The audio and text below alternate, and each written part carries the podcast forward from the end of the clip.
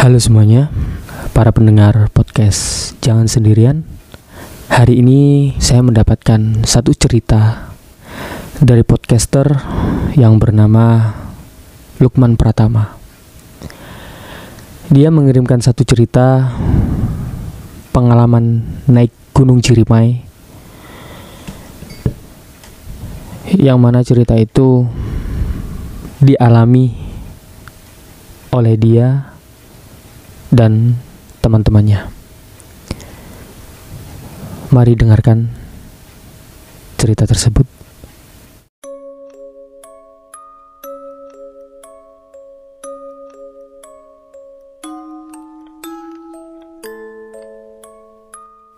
Ceritanya pas tanggal 17 Agustus kemarin. Saya nanjak bareng teman-teman. Lima cowok dan satu cewek. Kami berangkat pagi dari base camp sekitar jam 8 pagi. Pas awal sih saya nggak tahu teman saya yang cewek lagi datang bulan.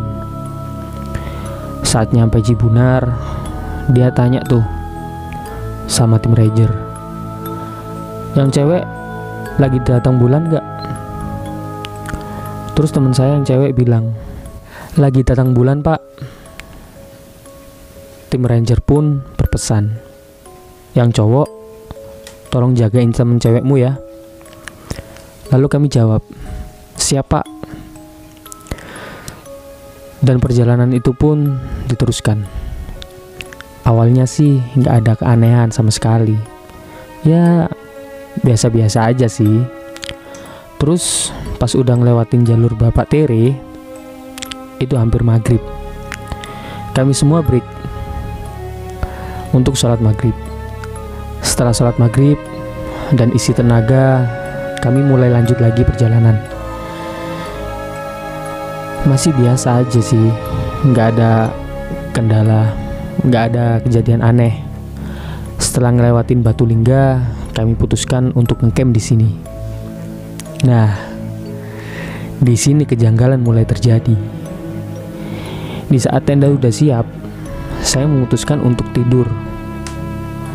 Pas jam 11 malam, saya terbangun. Dikarenakan muka saya ada yang mukul, kenceng banget. Sampai saya mau marah. Pas saya bangun, teman saya yang dua masih pada tidur. Posisinya agak jauh sih.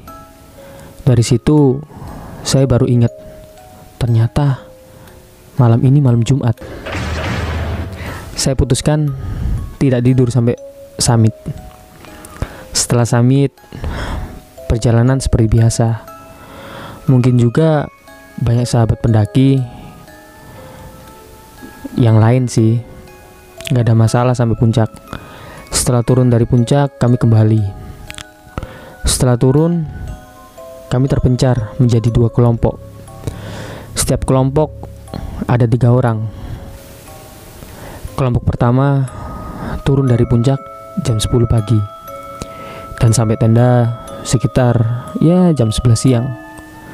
Sedangkan kelompok kedua yaitu kelompok saya sih turun dari puncak jam 10 pagi sampai Batu Lingga jam 2 siang.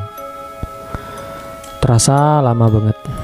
Ya, mungkin dalam perjalanan kita happy-happy aja sih. Kita santai, jalan santai.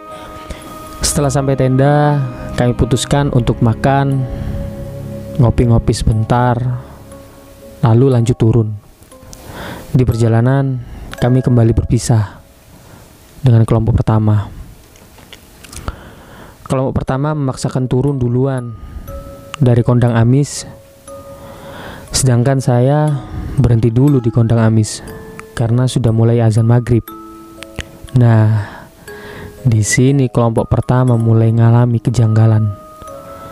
Saat di leweng datar, teman saya yang satunya minta break dulu.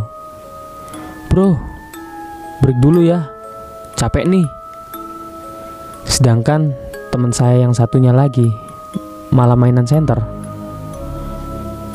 Pas dia nyenterin di belakang, ya kurang lebih 2 meter lah. Tiba-tiba ada pocong. Langsung saja senter dia matikan dan langsung diem. Pas kita tanyain, kenapa bro? Kok aneh? Lalu dia menjawab, oh nggak kok, nggak apa-apa, nggak apa-apa, nggak ada apa-apa. Setelah nyampe base camp, baru banyak cerita dari masing-masing tim tentang pengalamannya. Dikira udah kan sampai situ doang. Eh ternyata pas udah pulang saat teman saya lagi tidur ternyata ada yang ngetok-ngetok jendela.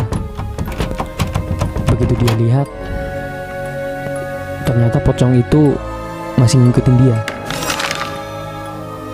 Yang dari leweng datar. Dia langsung lari dong ke ruang tamu dan tidur di ruang tamu. Keesokan harinya dia ngomong ke saya dan nginep di rumah saya. Eh, pocong itu masih ngikutin gue. Pas dia nginep di rumah gue, waktu jam 12 malam lah. Posisi saya belum tidur sih. Dan sedikit mendengar suara-suara gak jelas. Saya hiraukan itu karena udah biasa sih. Karena udah biasa sih pas jam satu malam. Teman saya lagi tidur. Eh, tiba-tiba dia teriak-teriak. Man, man, tolong, man. Pas saya bangunin, nggak bangun. Terpaksa pakai kekerasan dong. Gue tampar tuh muka. Baru bangun. Terus saya nanya, kenapa? Dia bilang, saya ditarik-tarik ke bawah. Ke bawah mana? Saya bingung. Saya mau dibawa ke sebuah lubang yang gelap. Ya udah. Terus saya suruh tidur lagi kan. Dikarenakan masih jam 1. Setelah dia tidur, nggak nyampe 5 menit, dia gitu lagi. Sama. Ngebanguninnya juga pakai kekerasan. Setelah bangun, dia seperti orang mau nangis. Dan saya baru ingat, dia belum sholat isya. Terus sama saya disuruh ambil wudhu. Dan setelah ambil wudhu, baru tenang deh. Udah agak mendingan sih.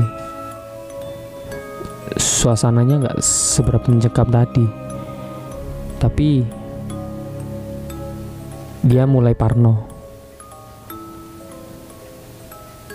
Karena dia selalu diikutin oleh pocong itu sampai sekarang. Ya begitulah ceritanya. Semoga jadi bahan pembelajaran buat kita semua. Karena di gunung kita tidak boleh sombong dan harus bisa menjaga sikap. Sekian cerita dari Lukman Pratama. Terima kasih.